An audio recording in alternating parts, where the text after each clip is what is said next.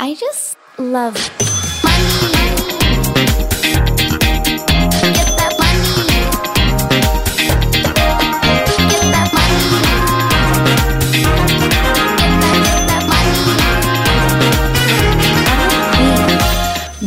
God mandag, boss babes! Håper dere har fått eh, lada batteriene i helgen og er klar for å gripe dagen med Karrierekvinner podcast. Eh, om dere ikke har fått slappet av helgen, så passer dagens gjest utmerket. Mari Frengstad er en livsstilscoach og ernæringsterapeut, motivator og inspirator, og hun driver Mari Frengstad Nutrition ved siden av rollen som trebarnsmor. Hun har hjulpet eh, mange, bl.a. meg, gjennom sine intensivkurs i det jeg vil kalle å bli god på livet. Og i dag skal hun gi oss sine beste tips for stressmestring, søvn og generelt hvordan vi kan oppnå gode rutiner i hverdagen, og hvordan vi skal holde dem. Velkommen, Mari! Tusen takk. Dette er veldig, hyggelig. Ja, veldig hyggelig å ha deg her. Herregud, jeg har jo, eh, som nevnt i eh, introen, eh, snakket litt med deg. Du har jo hatt et sånt 21-dagers kurs som jeg har vært med på. Veldig interessant. Så I dag tenkte jeg vi kunne dele det litt med følgerne av Karrierekvinner. Det er supert å være her, og jeg har veldig lyst til å dele. Mye å si, mye på hjertet. Så moro. Men først og fremst, hvem er Mari Frengstad? Um, jeg, som du sa, i introen så er jeg mor til tre. Uh, jeg har en tiåring som har autisme, og jeg har en syvåring og en toåring. Så det er mye som skjer i min uh, hverdag. Wow. Jeg uh, er, har bodd ti år i London og flyttet hjem for tre-fire år siden fordi vi trengte mer hjelp, rett og slett. For det var litt for mange baller i lufta. Um, og jeg har ikke angra på det, spesielt nå når korona har satt inn. Jeg er ikke noe særlig å være i London om dagen. Å gud, nei. Ikke med tre barn kanskje heller, og lite hjelp. en bitte liten hageflekk. Eh, ikke sant? Nei, så, så, det er meg, så jeg driver da Mari Frengstad Nutrition eh, og jobber med én-til-én-klienter i liksom, Jeg liker sånn langtidssamarbeid. Få det til å liksom komme i en ordentlig god rutine som flyter, som er lett å få til. Og så gjør jeg online-kurs. Så som sagt, du var med på det 21-dagerskurset til mer energi og fokus. Eh, og så gjør jeg litt sånn lengre kurs hvor man virkelig liksom kommer inn i den gode rutinen. da. Ja, Du er jo her i dag for å ja, gi litt eh, tips og triks. Men eh, du er jo eh, først og fremst en type coach som man booker time med. Og så kan jeg jo bare si det sånn da, at når man har Mari som coach, så sitter det en sånn liten djevel oppå skulderen din som liksom du føler at sitter og skuler litt ned på deg når du tar feil valg i hverdagen. Så det er veldig effektivt, så du får veldig mye mer ut av disse timene med Mari enn man gjør på Google. da. Men eh, når var det du starta Mari Frengsa Nutrition? Så Min historie var egentlig at jeg alltid har vært veldig interessert i urter urter og alternativ helse. Alltid liksom vært, vært, i bokhandelen og liksom sneket meg bort dit, når jeg egentlig burde kanskje sikkert lest noen politikk. fordi eh, for lenge siden, eh, for en evighet siden, så, så, studerte jeg på Blindern. Jeg har en bakgrunn i utviklingsstudier og natur- og miljøstudier og har en mastergrad eh, i samfunnsfag og jobbet med bærekraftig utvikling i næringslivet i London i mange år. Og det var liksom min passion. Eh, jobbet veldig mye, hadde altfor mye å gjøre. Tok veldig lite pauser, kjørte på sosialt liv, mye middager. Du vet hvordan man kan finne på å leve uten barn. Mm. eh, og så fikk jeg en datter for ti år siden som hadde masse problemer. Ikke det at vi helt skjønte hva det var da, men hun gråt og gråt og hadde kolikk, og, og jeg ble stressa. Mannen min pendlet frem og tilbake til Nairobi uh, av alle steder fra London. Jeg var mye alene. Og hun bare hylte non stop. Uh, og da blir man jo helt tullerusk. Uh, uten søvn, og man er kjempesliten, og det eneste man liksom sørger for å det, Man velger sånne raske karbohydrater. Så jeg husker jeg, liksom, jeg, dro, jeg bodde i Notting Hill og dro alltid inn en sånn favoritt eh, og spiste brownies liksom, to ganger om dagen. Og for meg så gikk det ikke liksom, at jeg gikk ikke opp i vekt eller noe, eh, men det gjorde jo noe med at jeg var utrolig sliten hele tiden. Og etter hvert så begynte jeg Det var liksom sånn som jeg kom inn på ernæring, at jeg begynte å få veldig vondt i hendene mine. Hadde aldri hatt det før. Plutselig så, så dro jeg til legen, og så så de på noen blodprøver, og sånn, og så sa de her er det noe som ikke helt stemmer. Vi vil at du skal bli sendt til en spesialist. Og da fikk jeg liksom sånn Shit, dette her er ikke bra, liksom. Så da, fordi jeg bodde i Notting Hill, som er mekka for sånn yoga og alt, ikke alternativ terapi, men at på en måte persontilpasset terapi. da. Så fikk jeg, kom jeg i kontakt med en ernæringsterapeut der, som jeg kom til, og hun bare sa, ja, etter noe testing og sånn, så sa hun du tåler ikke melk, du tåler ikke egg eh, og gjær, tror jeg. Det var tre ting. Og så kuttet jeg det, og i løpet av ti dager så fiksa jeg magen min, som hadde plaget meg i årevis. Betennelse og vondter bare forsvant. Og jeg var helt sånn der, shit, er dette her mulig? Hvis jeg kan gjøre det på ti dager, hva så liksom, Tenk så gøy. Og så ble jeg kjempeinteressert og så litt på det, og så skulle jeg egentlig ta en MBA. ehm, og så med en skrikerunge, og så satt jeg en dag med en sånn veldig stor rødvinsflaske alene og skrev sånn Hvis jeg kunne gjøre hva jeg ville, hva skal det være? Og så tenkte jeg det her er det jeg vil. Jeg vil hjelpe ambisiøse damer med å finne tilbake til seg sjøl. Og hjelpe de å ta gode valg i hverdagen. Sånn at de ikke har, er dødssliten på ettermiddagen eller veldig sliten når de våkner. At de ikke har PMS, magesmerter, humørsvingninger. Alt dette her. Så det var liksom mitt liksom, vendepunkt. Og da gikk jeg og tok en fireårs utdannelse på et sted som heter eh, Institute for Optimum Nutrition i London. Og det var liksom startskuddet, da. Herregud, så mye, så mye utdanning og så mye erfaring. og så, hva skal jeg si, Så skuddsikker bakgrunn du har innen så veldig mye forskjellig. Eh, veldig imponerende. Kan jeg spørre deg hvor gammel du er? Eh, jeg er 38. Blir snart 39. Herregud, du har rukket utrolig mye, og med tre barn og ja, som du sier da, London og mann i Nairobi. og Her sitter jeg da og klager på liksom sitter ute i Svelvik med ett barn og mann på sjøen. Det er sånn, hm, Ja, inspirasjon, Mari. Ja, men det, er, men det er noe med det at man ikke lærer seg Vi er vel litt samme type, da. At man på en måte ikke klarer å bremse. Altså man, har jo, liksom, man har så mye kapasitet helt til det renner over. Og det er jo liksom det jeg har funnet ut på denne reisen jeg gjorde. At ja, det var masse som skjedde når jeg kutta melk og sånn, men det tok meg kanskje fem-seks år til før at jeg begynte å, å eksempel redusere stressnivået mitt effektivt. Ja, ikke sant? Så det er liksom, Man må kjenne sine begrensninger, og, og, og, ja, og det tar tid. da. Og Det er jo det man ofte tror liksom, at man sier ofte på, på nyttårsaften eller lignende. At å, i år så skal jeg bli sunn. Og så på en måte? Hva, hva betyr det? Hva er de målene? Altså på en måte Man må være litt tydeligere. da. Um, så det jobber jeg veldig mye med, og har jobbet mye med meg sjøl òg, så klart. Ja, for det er jo et sånn typisk nyttårsforsett. Ja, som du sa, i år skal jeg bli sunn, men det hjelper kanskje ikke å bytte ut eh, kebaben med et salatblad. Hvis man eh, jobber sånn som jeg gjør, da, eksempel har det stressnivået som jeg har, og tar de andre valgene i hverdagen, da har det kanskje ikke Det har jo selvfølgelig litt å si, men eh, du er jo veldig god på det. da, Å se mennesket og grave litt i hverdagen deres, finne problemer. Um, hvordan eh, har det vært for deg å eh, plutselig liksom gå fra å være en eh, Hva skal jeg si, Du har jo studert det her og vært interessert i det, til å hva skal jeg si, implementere de tingene her i din egen hverdag. Og nå skal jo du pushe folk til å gjøre det selv. Hvordan har det vært for deg liksom den reisen fra å ikke klare å ta imot sånne beskjeder selv, til å faktisk være den som pusher andre? Er du fortsatt like flink? Selv om du nå, altså, jeg, jeg, bare, jeg bare ser for meg litt sånn, sånn som jeg. Jeg er jo da en influencer-coach. Jeg coacher influensere. Jeg sier akkurat hva de skal gjøre, men så gjør jeg det jo ikke selv. For jeg har ikke tid eller energi når det kommer liksom til slutten av dagen. Jeg er ganske god, eh, men det går som alt annet i livet opp og ned. Eh, og jeg ser nå f.eks. hvor jeg har pushet veldig på å bli ferdig med dette kurset. Jeg skal lansere tolvukerskurs snart. Jeg har gjort masse ting som er litt utenfor min egen komfortsone. Eh, og jeg lærer stadig. Og da ser jeg jo at jeg tar dårligere valg, men samtidig så etter hvert så blir man veldig obs på når man tar dårlige valg. valg. Eksempel, jeg har sett at det, det har vært eh, noen dager hvor jeg har hatt altfor mye klienter og ikke har tatt meg god nok tid til lunsj. Og da plutselig ser jeg at ok, selv om jeg ikke er dødssulten eller at jeg ikke kjenner på det på dagtid, så ser jeg f.eks.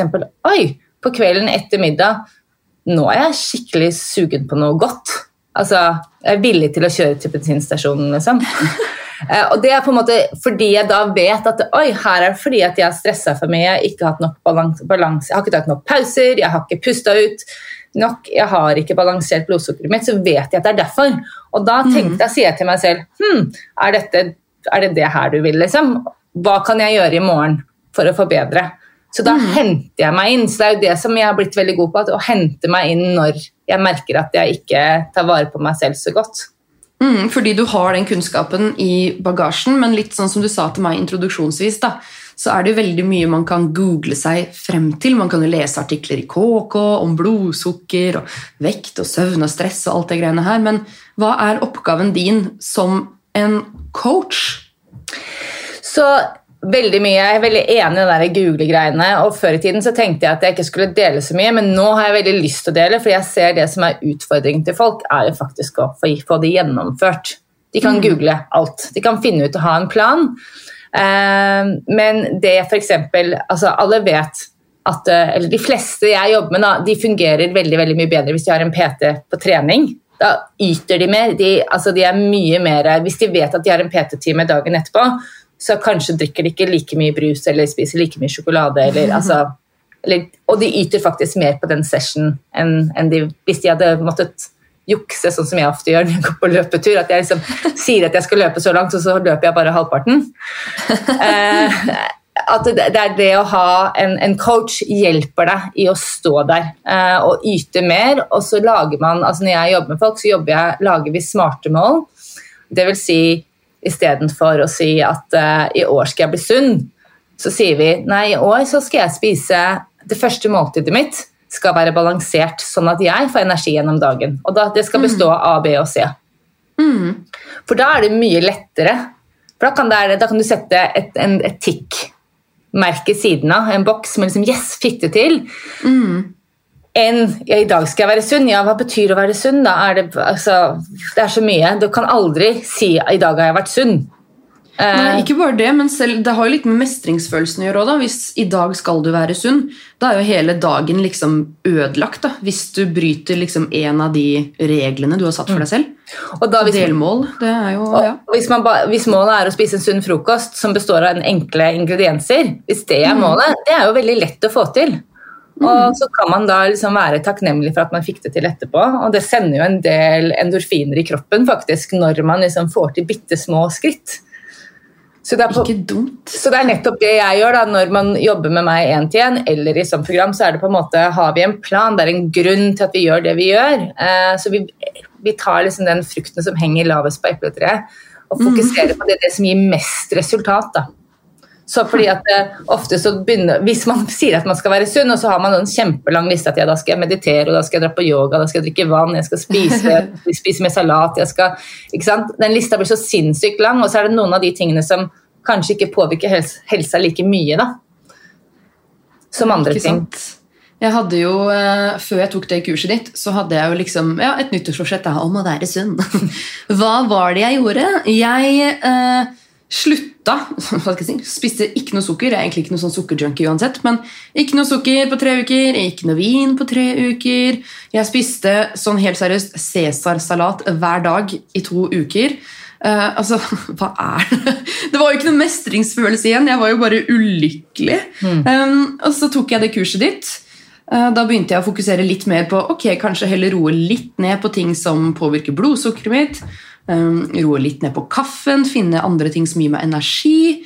Um, du, vi tok jo snakka litt om eh, frokosten min, som er cottage cheese. Og så trodde jeg jo at den, den var jo helt balansert og perfekt. Og så kommer du og «Ja, legger til litt valnøtter for fett og litt chiafrø der, og jeg bare ja, ja, ok. Og når jeg da satte meg heller som mål å ha en sunn frokost og en sunn lunsj, og som du også sa, da fokusere litt på pusten innimellom for å hente meg inn litt i løpet av dagen. Jeg fikk jo så mye bedre samvittighet, jeg følte meg så mye sunnere. Jeg følte at eh, den eventuelle usunne middagen jeg spiste, det var liksom ikke noe krise, fordi ellers så hadde dagen liksom vært tipp topp. da. Mm. Så nei, det er mye i det du sier med å sette riktige mål, og det, det var du god på, altså. Ja, og så er det noe som er veldig viktig da, er jo det at eh, eller Min bakgrunn når jeg studerte ernæring, så studerte jeg noe som heter funksjonell medisin, som ser på årsaken til sykdom. Og Det betyr f.eks. at du går til eh, legen, og så sier du at jeg har vondt i hodet. Og så sier han kanskje ja, drink litt mer vann, eller ta en Paracet, eller Og så går du kanskje tilbake flere ganger, og så kanskje etter et halvt år så sier han ja, vi skal sende deg videre. Men det jeg gjør når du jobber med meg, så har jeg et, dataprogram faktisk øh, som er online, som du fyller ut alle symptomene dine. Altså det er 350 spørsmål. Og så putter det inn i en, en graf. Eh, dette her kan jeg også gjøre så klart manuelt, så jeg er jo trent til å analysere dette her, men det her går veldig fort med et dataprogram. Um, og da ser vi ofte hvor skoen trykker. For det er nettopp det at hva du trenger, er ikke nødvendigvis ikke hva jeg trenger. Fordi vi har ulike gener, vi har ulike måter å leve livet vårt på. Vi gjør forskjellige ting, vi har forskjellige rutiner. Og da plutselig så dukker det opp noen ting som f.eks. jeg hadde en kunde her om dagen som er kjempesunn. Hun gjør masse riktig i livet sitt, eh, men er likevel sliten. Og, og så satt, gjorde hun dette skjemaet her, og så viste det seg da at hun den nyre- og blæresituasjonen hennes var liksom Nyrene og blæra hennes var stressa. Det betyr at hun kanskje har drukket altfor mye kaffe, har altfor lite elektrolyttbalanse. At er, eller balansen er ujevn, da. Eh, at kanskje leveren hennes ikke fungerer godt nok. At? Er det en matintoleranse der? Så på en måte be da å hjelpe henne med å, å balansere dette, så plutselig så føler hun seg veldig veldig mye bedre. Men det hadde vært veldig vanskelig å google seg til. Ja, er du gæren? Og så er det jo det at når du går til en fastlege Du får jo ikke noen som helst ekspertise der. Jeg ser for meg liksom at fastlegen de har en sånn feit bok som de rusher gjennom på legestudiet, og så dykker de jo aldri ordentlig inn i noen kapitler. Er liksom, de kan influensa og forkjølelse. Resten sender de deg videre. Skal du da gå da i en sånn evig loop, eh, eller skal man bare oppsøke en coach og se om det kan være noe? Jeg eh, lurer på om jeg nå, etter det jeg har lært, da, ville i hvert fall gått for eh, det siste.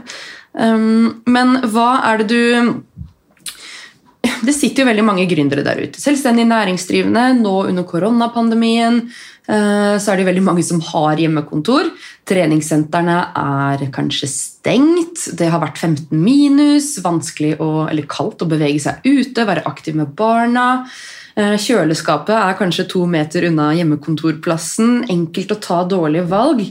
Um, hvis du liksom skulle gitt noen sånn generelle da, som kanskje kan passe for veldig mange flere, um, generelle tips til de som føler at uh, de er i den situasjonen jeg beskrev nå. Hva- Nei, det er jo det å, å lage seg noen veldig enkle mål, ikke for mange.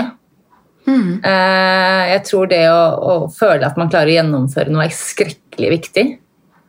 Så lage seg en to do-list med et par ting som bare er for deg, da. Eh, som støtter din kropp og ditt hode, ikke for noen andre. Det er veldig viktig. Og kanskje liksom gjør det ikke noe mer enn tre-fire ting hver dag. Men, men det å, å balansere blodsukkeret tenker jeg er det viktigste. Fordi hvis man har et blodsukker som er stigende fordi man har spist noen raske karbohydrater uten nok fett og proteiner og den type ting, så betyr det at i løpet av sant, Man spiser en frokost som kanskje ikke er den sunneste, og da klokka åtte, og da klokka halv elleve, så er, er man nesten Det er nesten sånn som dop, da. At man bare Da må man ha noe. Om det er en kaffekopp eller en brødskive med noe på, eller om det er en banan, eller og så svinger det sånn gjennom hele dagen, og det er så utrolig slitsomt. Og, da, og det, man blir styrt av det. da. Du, det er ikke viljestyrken din det er noe gærent med, det er faktisk hormonene dine. Så det er liksom det, beste tipset jeg har, er å liksom spise balansert. Og det betyr da at du også skal spise fett, også proteiner, og spise nok av det i forhold til de karbohydratene. Um, og så har vi snakket litt eh, Jeg snakker jo mye om, om, om stressmestring. Og så tenker jeg det her som er viktig å forstå, er jo dette at når, når blodsukkeret vårt krasjer, når vi liksom Først det går opp, og så går det ned fordi altså, går i, nei, blodsukkeret går inn Eller sukkeret går inn i cellene våre.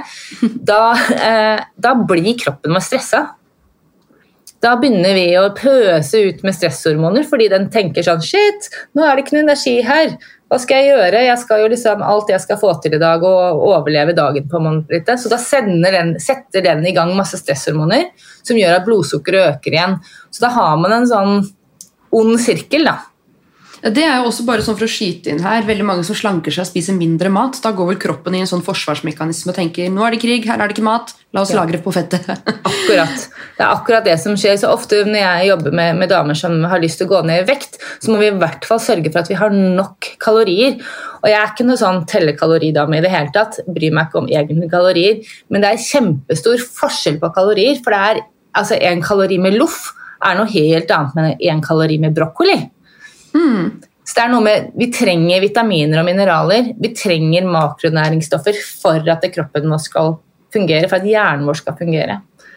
Eh, Så på en måte det å velge riktige ting da, eh, i riktig mengde er skrekkelig viktig. og det handler ikke så mye om liksom, Hvis du jobber med meg, så er jeg ikke sånn der, ikke spis ting. Eh, selv om det er mange som kan hvis man har matintoleranse eller allergier eller altså Det er jo en åtte kopper kaffe og en liter Pepsi Max om dagen. Sånn. Det er ikke noe jeg anbefaler.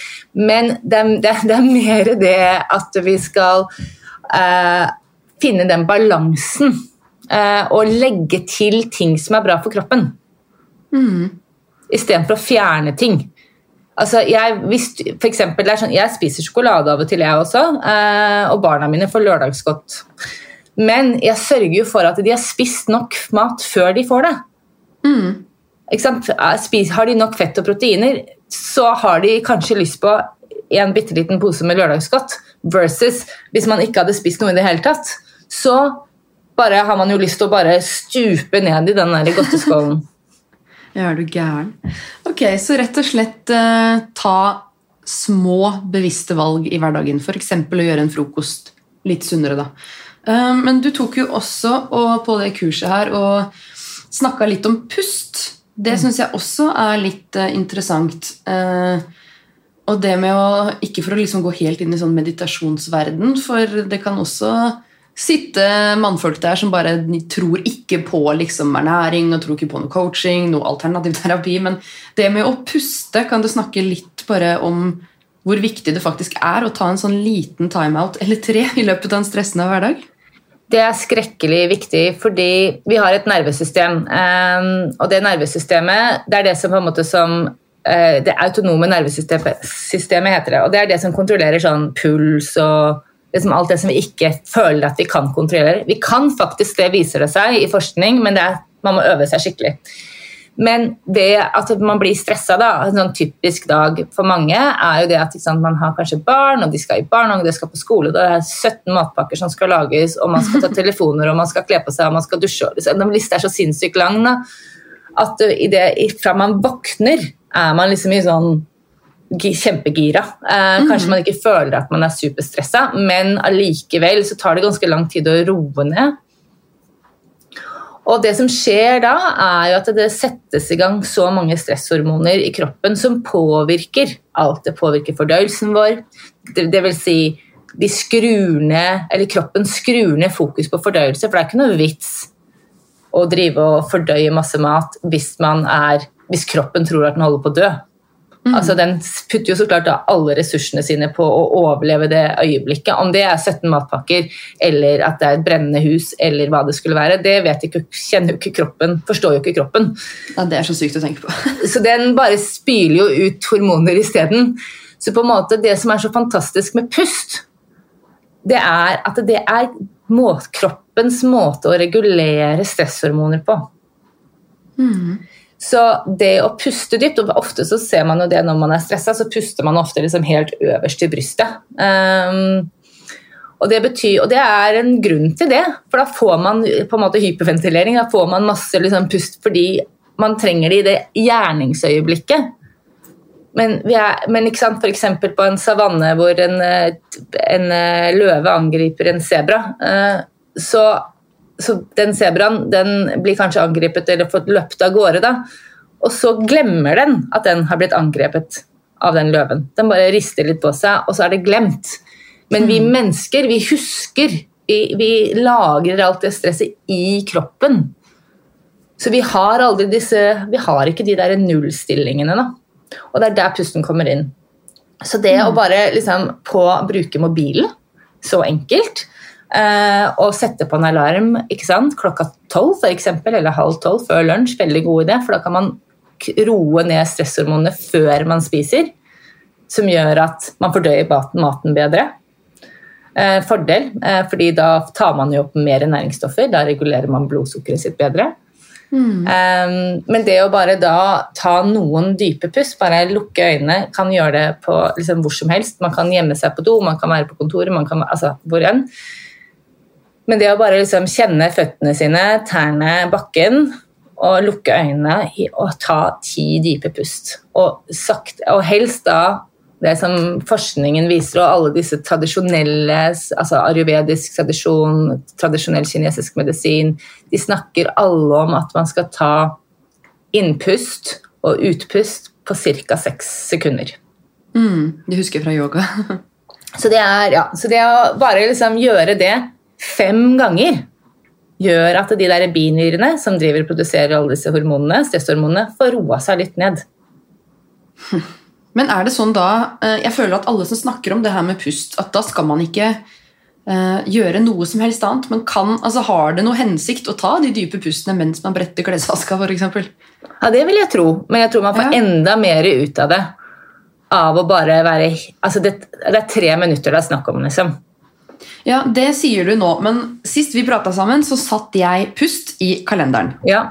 Det tok fire dager, så sletta jeg de fra kalenderen, for jeg holdt på å bli liksom gæren. Jeg bare, ok, Her ringer det en alarm på at jeg skal puste midt i en podkastinnspilling. liksom, Hvordan kan man faktisk gjennomføre det, da? Og det kommer liksom til rutinelaging. Eh, og da må man på en måte Jeg er veldig fan av aktiv bruk av kalender. Eh, det vil si at man har Det er i hvert fall sånn jeg gjør det. da, At eh, i en uke så har jeg lager sånne slots, time slots i kalenderen hvor jeg gjør ulike ting. Og hvis jeg har da puss klokka tolv samt, samtidig som en podkastinnspilling, så er jo det på en måte funker jo ikke det. Så du må jo aktivt gå inn i løpet av den dagen. F.eks. i dag, da, så ville jeg kanskje før du startet dagen, eller i går kveld, gått gjennom i dag og bare ok, jeg skal puste, jeg skal spise frokost, jeg skal ha podkast med Mari, jeg skal gjøre det A, B og C. Hvordan skal jeg få det til? Sånn at Ja. det er en naturlig flow, istedenfor at det går ikke an at du begynner nå å puste midt inni denne her innspillingen her. nå tar vi fem minutter pause, alle som lytter. Mm, Det er ikke dumt, egentlig. Bare sånn nå skal vi puste. Vi avslutter podkasten med fem minutter pust, ok? Så det er jo også en mulighet, men, men det som da hadde vært enda bedre, er at for dette pusten var kanskje ikke for lytterne dine, denne pusten er for deg, er at du faktisk får det inn på et tidspunkt hvor det er mulig å gjøre det. Det må jo være gjennomførbart. Ja, ikke sant? Å bruke kalenderen aktivt det er man jo flink til når det kommer til ja, møter og sånne ting. Um, men hvem var det? Var det ikke Gunhild Stordalen som la inn eh, til og med sex med Petter i kalenderen klokka åtte på fredager? Der har du goals, liksom. Se hvordan det gikk. Eh, Hun eh, snusa litt holdt jeg på å si, på den kalenderen, hun òg. Men, men det, som er, det er liksom noe av det jeg brenner mest for, faktisk. Dette her at, eh, at eh, vi Ofte så er vi skrekkelig flinke på å prioritere alle andre enn oss selv. At det er mye lettere å stå? At du og jeg har en avtale, ja, da flytter jeg alt mulig for det, men jeg kanskje kutter ned på ting jeg egentlig burde ha gjort for meg selv. Og det er noe som jeg er veldig opptatt av, for det er veldig mye kvinner som har det der greiene. Jeg har diskutert med mannen min liksom sånn, Dette her er litt sånn morsomt, men jeg bare ser for eksempel, jeg er sånn Nå er jeg mye strengere, da, men eksempel om morgenen jeg skulle gått på do, så er jeg liksom villig til å ikke gjøre det fordi at barna skal ut. og da, da, da. Men min mann sitter liksom bare 'Jeg er på do nå.' Det er helt uaktuelt at jeg skal liksom flytte på mine egne behov. Altså Ja, Han ja, bare syntes det er helt sinnssykt at, liksom, at jeg i det hele tatt spurte på at man kunne skynde seg. liksom. Eh, og det er noe med sånn, Kvinner er så dårlige på å, å sette grenser da, for seg selv. De sier litt for mye ja, de er litt for mye på tilbudssida. Eh, De sier ja til for mange ting, og det er jo noe jeg er veldig opptatt av å jobbe mye med i det tolvukersprogrammet mitt. Det å liksom si hell yes til det man virkelig digger, og så si litt mer mm, nei til ting som ikke man blir så gira av. Og så er det alle disse praktiske tingene også, da, så klart, som må også få plass. Men bare liksom være litt obs på det. For da blir det plass til å puste, hvis du syns det er viktig. Ikke sant? Ja, det, det er et godt poeng. Eh, Det har man jo også hatt som nyttårsforsett noen ganger. Men jeg føler alltid at nyttårsforsettene er 'si mer ja', 'opplev mer ting'. Oi, så slitsomt. Men ja, si mer nei. Eh, Tenk litt over hva gir det her meg? Altså den derre ta på din egen maske før du Ja. Ja, ikke sant? Og, det, og jeg tenker at det er så mye For jeg er et ja-menneske. Eh, alltid vært et ja-menneske. Jeg elsker fart og spenning og mye som skjer, men jeg ser jo det at det funker jo ikke. Jeg har jo fortsatt bare 24 timer i døgnet. Eh, og hvis jeg hadde vært Og jeg øver meg hele tiden. det er ikke noe sånn, Ofte så tror man liksom at ja, men nå har jeg endelig fått det til. Men så er det alltid noe som vipper oss av pinnen. Eh, om det er et sykt barn, eller om det er en et nytt jobb, eller korona, eller hva det skulle være. Det livet liksom suser av gårde uansett. det. Så det er på en måte det er da man må gå inn og liksom bare Hva er det faktisk jeg har lyst til å oppnå her? Er, hvordan jeg, har jeg lyst til å føle meg på slutten av dagen? Er det bedre for meg å ha pustet tre ganger, spist noen balanserte måltider, tatt noe kosttilskudd, dratt på yoga og brukt kanskje jeg vet ikke, Hvis du drar på yoga, så tar det i hvert fall en time. da, Men kanskje du hadde brukt en og en halv time da, på alle disse tingene.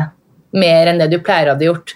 Men så kommer du klokka seks etter du har spist middag, så har du ikke vondt i hodet. Du har ikke lyst på den godteskålen. Du føler at det, å, kanskje jeg kan begynne å lese en bok, eller kanskje jeg skal skrive. Kanskje jeg skal gjøre, være kreativ, istedenfor å bare sige ned i sofaen foran liksom, the, the latest Netflix-show. Fordi man er bare helt dørsliten. Så det er på en måte det, det er en sånn balansegang her. at Hvis man virkelig tenker på liksom, hva er det jeg har lyst til å få til i livet, på personlig nivå, ikke bare liksom, jeg har lyst til å bli altså, drive equal agency og ha 1000 kvinner som er aktive der, eller hva, hva enn målet ditt er. Det er én ting, det er et sånn businessmål, men hvordan har du lyst til å være når du kommer hjem og skal slappe av? Fordi det er veldig mange jeg jobber med som bare er så slitne at de ikke orker å liksom være til stede i sitt eget liv. De bare vil liksom gjemme seg inn i et Netflix-show og, og være der. Eh, og, og kanskje drikke vin og spise masse godteri for å liksom bare døyve litt på den der kjempeslit som de, de er så slitne, da. Og jeg sier ikke at jeg aldri er der. Det er jeg av og til også. Men jeg er ikke der hver dag. Jeg er ikke der hver uke. Men du er jo liksom, eh, hva skal jeg si, en eh, Høres jo ut som en sånn perfekt rollemodell for opplegget ditt. Det, jeg tenker, hvordan, eh, Alle er jo som sagt forskjellige, men kan du ikke fortelle litt om hva du gjør i din hverdag? Sånn med rutiner når det kommer til å stå opp, mat, skjermbruk, pust. Hvordan gjennomfører du liksom dine egne ting i din hverdag? da? Så jeg har ja, som sagt tre små barn, så vi står opp ganske tidlig. Jeg har en, har en toåring som uh, er oppe nå, faktisk mellom seks og syv. Det har vært mellom fem og seks veldig lenge. Um, I feel you. Men det som på en måte en veldig fornuftig venninne av meg en gang sa, når vi hadde små barn sammen, så sa hun liksom at jeg bare skal legge meg med, med den babyen. Jeg skal ikke fortsette å leve sånn som jeg levde før jeg hadde barn. Kan legge, da kunne man kanskje legge seg klokka tolv når man var 25, fordi man ikke hadde, og ikke sant, man kunne stå opp seinere. Men det nytter jo ikke å leve den samme livsstilen hvis man har en toåring som står opp klokka fem. Da må man liksom skyve litt på klokka. Så, vi, så jeg står opp, da. Og så jeg, går jeg i dusjen, og da gjør jeg en runde med tapping. og Det har vi snakket om på kurs, og vi snakket om det litt i stad. Men eh, det er en metode som heter eh, På engelsk så heter det eh, emotional freedom technique. Og det betyr at man tapper på akupunkturpunkter. Eh, det er en slags for folk som ikke kan meditere, som syns det er vanskelig for at de syns det er vanskelig å være med tankene sine så er dette her veldig veldig effektivt. Jeg, synes, jeg foretrekker det over meditasjon, faktisk. Så jeg tapper gjennom alle punktene, for hvert eneste punkt er jo da en kroppsdel i, i kroppen. Så da på en måte eh, renser jeg kroppen energi. Altså det, jeg, jeg, jeg tror at veldig mye av det vi opplever, setter seg fast i kroppen. Eh, traumer er ofte triggere til sykdom. Alle disse tingene. Emosjoner, følelser. Så jeg bare har en runde hvor jeg bare gjør det tar ikke så lang tid. Eh, og så er jeg nede med tre barn, og det er mye matpakker om dagen med korona. Men da sørger jeg alltid for å, å starte dagen med et eh, stort glass slunka vann for å skylle ut mye av de avfallsstoffene dagen før. Og det er, som dere alle vet, når man står opp, så tisser man ofte først. Eh, og da er den urinen ganske mørk. Og det er fordi at kroppen jobber veldig hardt om natta for å rense blodet, for å liksom, ja, sørge for at avfallsstoffet kommer ut effektivt. Men det betyr jo at man ofte da er dehydrert når man våkner, fordi nyrene har gjort jobben sin. Så det er veldig viktig å fylle på med nok væske. Og der tror jeg det er veldig mange som bommer. Så det er jo Men ok, jeg må bare skyte inn her. Lunka vann, er det for at kroppen ikke skal bruke tid på å varme opp det kalde vannet? Ja, det er helt, ja. Så, det er derfor, så jeg pleier å skvise en sitron oppi et stort glass, og så fyller jeg opp det med kaldt vann, og så topper jeg opp med kokende vann. Såpass, ja. Ja. Da blir jo det en liten prosess òg, da. Ja, det, jeg har sånn, faktisk sånn, ja, jeg har litt sånn fancy vask. Sånn Cooker. cooker, cooker-vask, så det går veldig lett. Men, men det er ikke noe verre enn at man, det første man gjør er å skru på den vannkokeren. Eller man kan jo sikkert ta varmt vann òg, men det er kanskje ikke det man helt anbefaler. Men jeg tenker her, er jeg er mer for at man gjør det enn at alt skal være perfekt. 80% innsats er det jeg forventer. Jeg vil ikke at noen skal være perfekt, for livet er ikke perfekt. Så det er viktigere at man liksom står i en rutine og man får det til, enn at det, liksom, det skal være så sinnssykt bra, da. Eller helt Ja. Instagram-vennlig bra, liksom. um, så, og så etter jeg har drukket vann, så lager jeg en morgensmoothie med nok proteiner, fett og sånn. Eh, og så tar jeg vitaminer. Og det, da er jeg liksom Når jeg har gjort det, så er det veldig mye lettere. For det første så er jeg ikke sulten klokka halv elleve. Ehm, hvis jeg spiser frokost klokka liksom sju-åtte-tiden. Eh, og da er det mye lettere å ta et godt valg til lunsj. Og når man har tatt et godt valg til lunsj, så er det også mye lettere å ikke liksom ha lyst på kopp nummer fem av kaffe klokka tre. Så på en måte, det er liksom altså det, det er som å danse litt vals her, da. Det, det er en flow. Og hvis man kommer inn i den flowen på morgenen, så er det mye lettere å stå i det. Men det er sikkert veldig mange som lager smoothie til eh, frokost. Men det er jo samme som du sa til meg. Da, sånn, hva har du i den Ja. eller hva har du i den cottage cheesen? Um, nå skal vi jo liksom ikke herme etter ditt kosthold her, men har du noen tips til hva som kan legges til de måltidene her?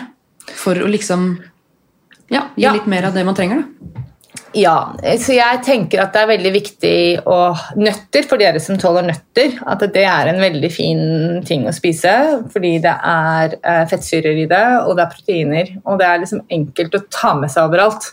Jeg av og til gjør sånn at jeg eh, kan kjøpe en masse forskjellige nøtter, valnøtter og sånn spesielt. Valnøtter og mandler er liksom min favoritt, og valnøtter spesielt fordi det har en veldig god balanse på fettsyrer. Så kan man kjøpe en svær, lage en svær bolle, og så kan man putte det opp i små Jeg har kid, sånne små barn, så jeg har så mye sånne små bokser av ting. Så jeg putter liksom en neve oppi mange bokser, og så kan jeg ha det i veska. ha det, ikke sant? Da står det klart. Så jeg slipper å liksom hvis jeg skal, Nå farter jeg ikke så mye, da, men før gjorde jeg jo det. Det er, og jeg kan ta med det på kontoret, sånn at man liksom har en løsning hvis man skulle trenge det. Mm, Liksom food prep, da, sånn Food- som de fitnessfolka Ja. gjør. Food prep er, er viktig, da, og jeg tenker der sparer man jo veldig veldig mye tid. Men i en sånn smoothie så, så det jeg bruker mye, er proteinpulver. Og sørge for at det er nok fett. Ja. Det er en oppskrift på Instagram-profilen min hvis noen er interessert der, som jeg, den jeg gjør. da.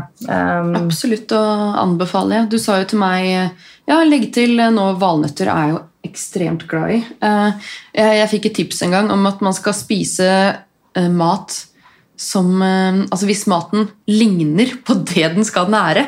F.eks. valnøtter ligner jo på en hjerne. Da er det brain food. Ja, ja, ja. det er litt sånn morsomt. Eh, Det og chiafrø og spirer og proteinpulver det har jeg begynt å implementere veldig i min hverdag. i hvert fall. Mm. men ja, fortsett etter lunsj. Hvor er Mari da? Etter lunsj så er jeg egentlig i et, har jeg veldig stor arbeidskapasitet, eh, ser jeg. Eh, mer og mer. Er liksom, for ti år siden så var jeg sånn Hvor er kaffen? Jeg må kjøpe noe. En croissant, eller jeg må ut, liksom. Men nå har jeg mye mer arbeidskapasitet, kapasitet, så jeg har liksom ja, For øvrig, jeg har en hund. Jeg går tur med hunden på morgenen. Det er viktig, for da kommer jeg meg ut.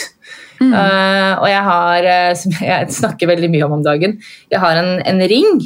En sånn auraring. Har du hørt om det? Er det sånn som endrer farge etter hvordan du liksom har det? og sånn? Nei, den er, eh, det er litt en sånn vers, nesten som en sånn Apple Watch.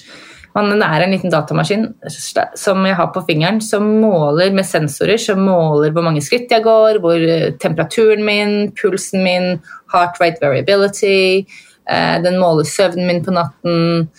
Eh, så jeg får eksempel, Den ser jeg på da faktisk om morgenen før jeg tapper i dusjen. og Da ser jeg hvor bra jeg har sovet. og da står den for eksempel, Nå i det siste så har jeg hatt ganske høy score fordi jeg har lagt meg og fått den dype søvnen. og alt mulig. Eh, og Det betyr at eh, i dag er det dagen hvor jeg har mye konsentrasjon og mye å gi. Da sier den f.eks. I, dag det- i dag skal du trene, i dag er det dagen du kan få til ekstra på jobb. Så jeg følger den litt. Oi, Eh. aldri hørt om. Det er, jeg, har vært, jeg er kjempefan. Jeg har hatt den siden juni, og jeg skulle ønske jeg, Ja, jeg er så fan, eh, så det må jeg virkelig anbefale. Jeg selger det ikke. Eh, jeg har ikke noe samarbeid. Ikke noe sponsa produkt. Men det er eh, du må, de, de, selges, de blir faktisk ikke solgt i Norge. Du må kjøpe det i utlandet. Eh, men det er ikke noe problem. De er litt dyre, da. Men ja, så jeg bruker den ringen litt. Eh, ikke, for jeg er veldig opptatt av intuisjon. Eh, høre på magefølelsen, for den har vi. Og vi er, jeg tenker at det veldig mange har lært å skru den av. At man følger liksom alle andre sine råd, og ikke seg selv. Så jeg, er sånn, jeg trener meg opp på å kjenne etter hvordan jeg faktisk har det. Det er derfor jeg egentlig kjøpte ringen. Da. Så da går jeg tur da om morgenen med hunden, og da teller den skritt. Så jeg vet at jeg får gått de skrittene jeg skal. Uh, og så går jeg en tur for å hente sønnen min i barnehagen sånn i firetiden. Og da er det middag og, som jeg ofte har planlagt, da, hva som skal være, så ikke jeg sitter liksom som et sånt levende spørsmålstegn foran kjøleskapet eller må ty til raske løsninger. Eh, og jeg lager ofte dobbelt porsjon av ting som jeg kan spise til lunsj dagen etterpå. Mm. Så det er liksom min rutine eh, om dagen. Eh, jeg skulle gjerne fått til litt mer trening. Jeg var, ja, det er vanskelig, syns jeg, men jeg gjør litt yoga. Og så har jeg en sånn infrarød badstue.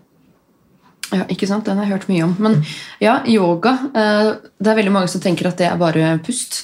Men herregud, man kan bli eh, støl og svett av yoga. Altså. Den eh, elsker den treningsformen. Ja. Um, men det er jo litt som du sa, da. At Jeg husker i hvert fall spesielt selv når jeg hadde en typisk kontorjobb. Den der klokka to-knekken hvor du bare sitter og venter på at klokka skal bli fire så du kan dra hjem. Mm. Den har også forsvunnet her. Eh, Litt usikker på om det handler om at jeg faktisk gjør noe jeg elsker nå, eller om det handler om balansert, eh, mer balansert kosthold.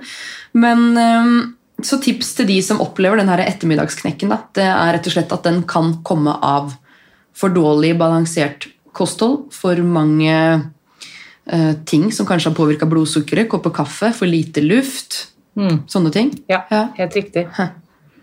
Um, men hvordan er du da Det syns jeg også er litt interessant, for du sa jo noe med For å gå liksom litt mer på stressmestring, da. Um, det her med skjermtid også. Hvordan er du? Er det sånn at du klokka fire så er dagen på en måte over når det kommer til skjerm? Ikke TV, da, men jobb, telefon Jeg skulle ønske det. Jeg, prøv, jeg blir strengere og strengere, for jeg ser at f.eks. jeg har hatt en del kurs nå i januar som var sånn, begynte klokka åtte, som varte en og en halv time. Mm. Med sånn ring light, at du får masse lys. Um, og så kan man ikke, syns jeg ikke jeg burde, Kanskje jeg er litt forfengelig, men jeg, jeg, har, jeg har lyst til å ha sånne blue light blocking glasses. Så du kan faktisk kjøpe det. Men når man har sånn ring light, så blir det så mye gjenskinn, og da ser man jo litt sånn uff, litt sånn alien ut. Alien ut. Men, så det er, liksom, det er noe jeg nå prøver å liksom unngå å gjøre så mye sånne ting på kvelden. Ehm, jeg er jo da, på, mobilen min så har jeg skrudd på sånn lys. Er, jeg er en eh, iPhone, og jeg vet også Anoride telefoner også har, har den funksjonen at man kan skru ned lyset. Fordi det er noe jeg er veldig opptatt av, dette her med å få den dype søvnen, sånn at man våkner uthvilt. For det er ikke snakk om alltid liksom at man skal sove ni timer. Det er ikke, ni, det er ikke timeantallet som er viktig her, det er kvaliteten. Mm. Det er det samme som vi snakket om i stad. Det er ikke kaloriene som er viktige her, det er kvaliteten av kaloriene. Mm. Så, så på en måte, vi vet forskningen sier at man sover best mellom ti og klokka to. Ti på kvelden og klokka to på, på natta. Da er da man får dype søvn. Der hvor man virkelig liksom, kroppen reparerer og fikser og ordner. Eh, så på en måte det er litt fokuset mitt, da. Å prøve det. Jeg er ikke jeg alltid er i seng til klokka ti, men jeg er sjelden i seng til etter elleve. Ehm, så der jobber jeg veldig mye, og da tenker jeg ofte at jeg vil helst ikke være på telefon eller datamaskin ja, etter klokka åtte, da.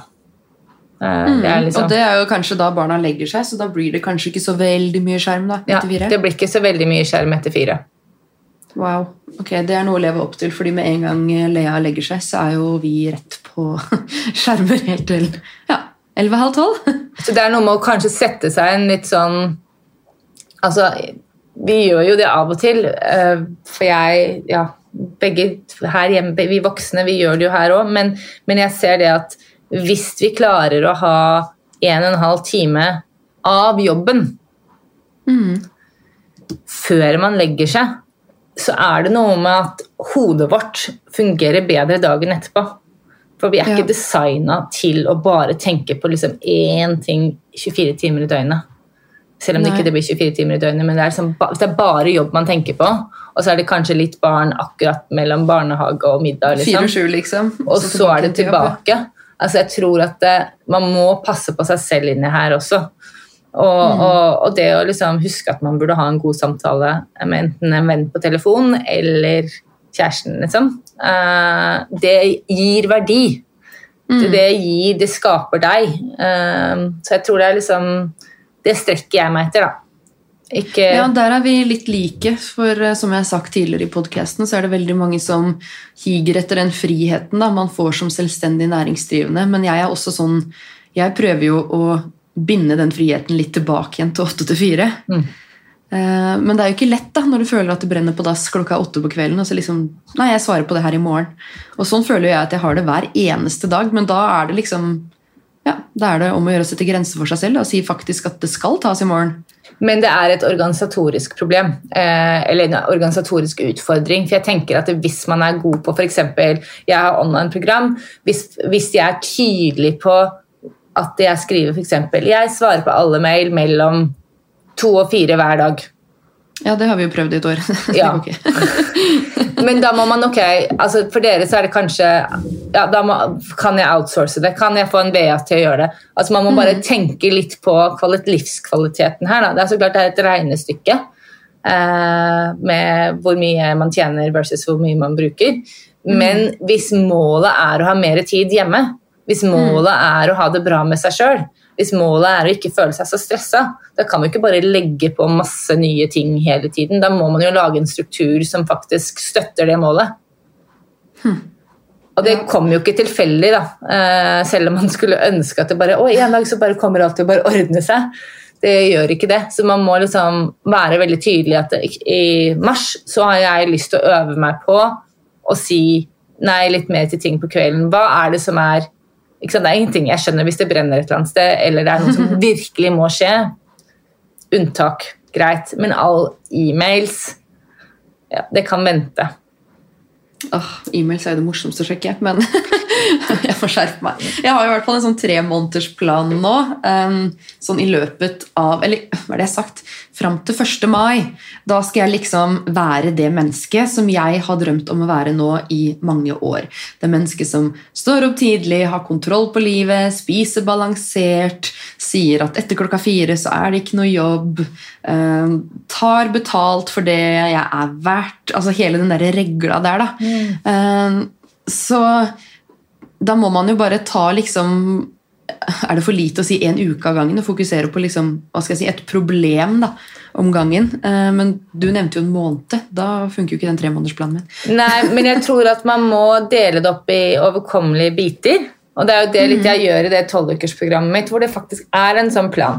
Første uka så jobber vi med energi, så jobber vi med vann, og så jobber vi med mat, matprepp, og så jobber vi med self-compassion og og og grensesetting. Altså det er liksom at det er en, en bitte liten ting som er lett å få til én uke, setter fokus bare på det, og så er det litt ting på ting. Og det er litt sånn, Ofte når jeg snakker om rutiner og nye vaner og lage nye vaner, så er det skrekkelig vanskelig. Fordi hjernen vår har hjernebaner som den har gått i mange ganger før. Og det heter hjernens plastisitet, det å lage, koble på nye vaner. koble på nye ting, gjøre ting på en annen måte enn det man har gjort før. Og det er vanskelig. Mm. det er litt sånn som eh, Når jeg snakker om hjernens plastisitet, så snakker jeg ofte om eh, skispor. Hvordan det er med sånne langrennsspor i fjellet. Skikkelig vanskelig, syns jeg. Jeg er ikke så god på langrenn. Å hoppe av de der sporene i fart, liksom. Eh, vanskelig. Fordi man har gjort det. Det er liksom så dypt. Men hvis det hadde vært nysnø, hvis vi hadde liksom bygd de rutinene på nytt, så kan man lage nye spor. Og det er det vi gjør når vi bygger vaner. Vi gjør det sånn at f.eks. pusse tenner eh, det er noe vi har øvd på siden vi var bitte små. De fleste av oss gjør det i hvert fall to ganger om dagen. Eh, og det er liksom vi Det er ikke sånn liksom at vi liksom Nei, det gidder vi ikke gjøre i dag.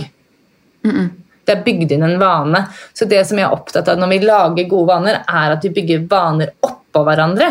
Så det er mye lettere f.eks. For, for deg å ta tre dype pust før eller etter du har børstet tenner, for da er du i den vanegreia. For det er noe du allerede gjør, å koble noe, en god vane på en, en vane du allerede gjør. Mye lettere enn å liksom klokka tolv, som du midt i en podkast begynner å puste. Ja. Nei, jeg har jo allerede Jeg tar jo knebøy mens jeg pusser tenna. Det er liksom min greie. Men det er jo som du sier, da. eh, Du barberer deg jo når du er i dusjen. Du barberer deg ikke etter lunsj. Ja. liksom bare sånn etter lunsj skal vi gjøre det. Men å sette rutiner sammen som ja, passer sammen, og som henger de på hverandre, ja. Hm. Men det, det må fokus da hver uke, og det er derfor jeg liksom ønsker altså Før så jobbet jeg mye mer sånn én-til-én, altså én time her og en time der, men nå er jeg sånn, nei, det er jeg ikke interessert i lenger, for jeg ser at folk får så utrolig mye mer eh, De får en transformasjon når vi sier ok, nå gjør vi det her i tre måneder sammen, og her er planen. Og da bare Når man liksom er villig til å gjøre det, altså bare følge den planen, så bare går det sakte, men sikkert. For da har man allokert ørlite tid hver måned eller hver uke til å gjøre det. Og så er det små, enkle oppgaver som er sånn smarte mål, som jeg sa i stad. Helt spesifikke. Smart står for uh, på engelsk uh, specif, specif, specific, measurable, achievable, realistic, time-bound. Så de er så tydelige og realistiske, og vi kan sette et tidspunkt at det, klokka før ti hver dag skal jeg spise frokost. Hver søndag skal jeg ha planlagt måltidene mine. Jeg skal sette av tid til Her er de fem tingene som gjør meg superglad. Her er de fem tingene jeg har lyst til å gjøre mindre av. Altså Være helt sånn super... Å, ha, å sette av tid til det gjør jo at man kan få til en transformasjon. Og det er vel det alle er kine på. Å få lov til å være med på den reisa. Spennende. Hvor er det man eh, får tak i kurset ditt hvis man er interessert i å lære mer? kan ta kontakt med meg. Eh, gå på hjemmesiden min, marif.no. og Der kan du booke deg en gratis samtale med meg, så skal vi se om vi er en god fit. For det er veldig viktig for meg. da, At vi er en god fit, for det er ikke noe kult for deg.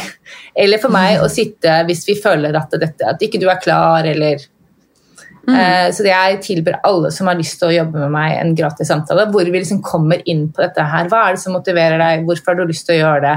Er du klar?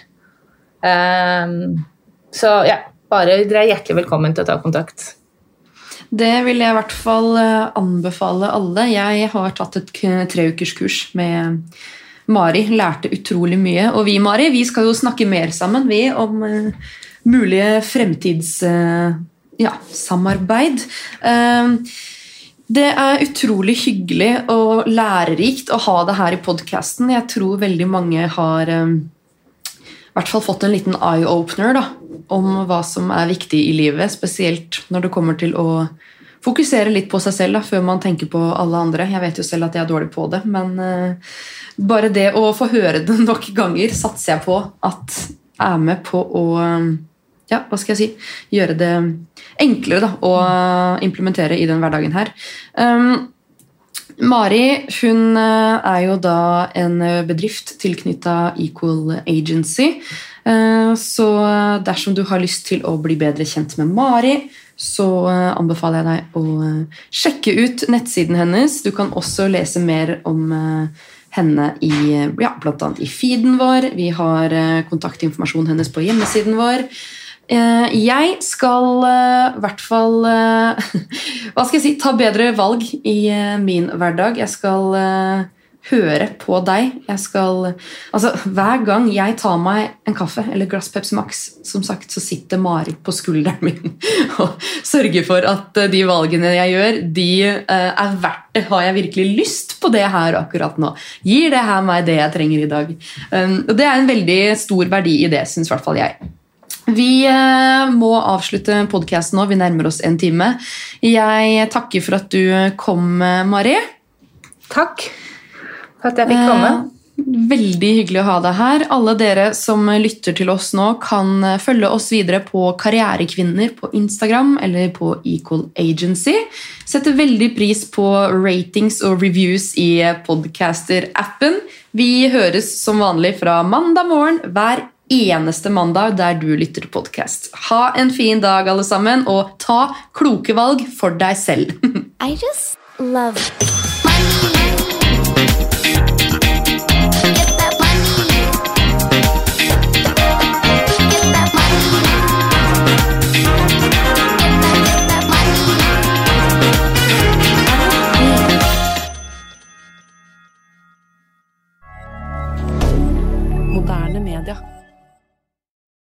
Har du et enkeltpersonforetak eller en liten bedrift? Da er du sikkert lei av å høre meg snakke om hvor enkelt det er med kvitteringer og bilag i fiken, så vi eh, gir oss her, vi. Fordi vi liker enkelt. Fiken superenkelt regnskap.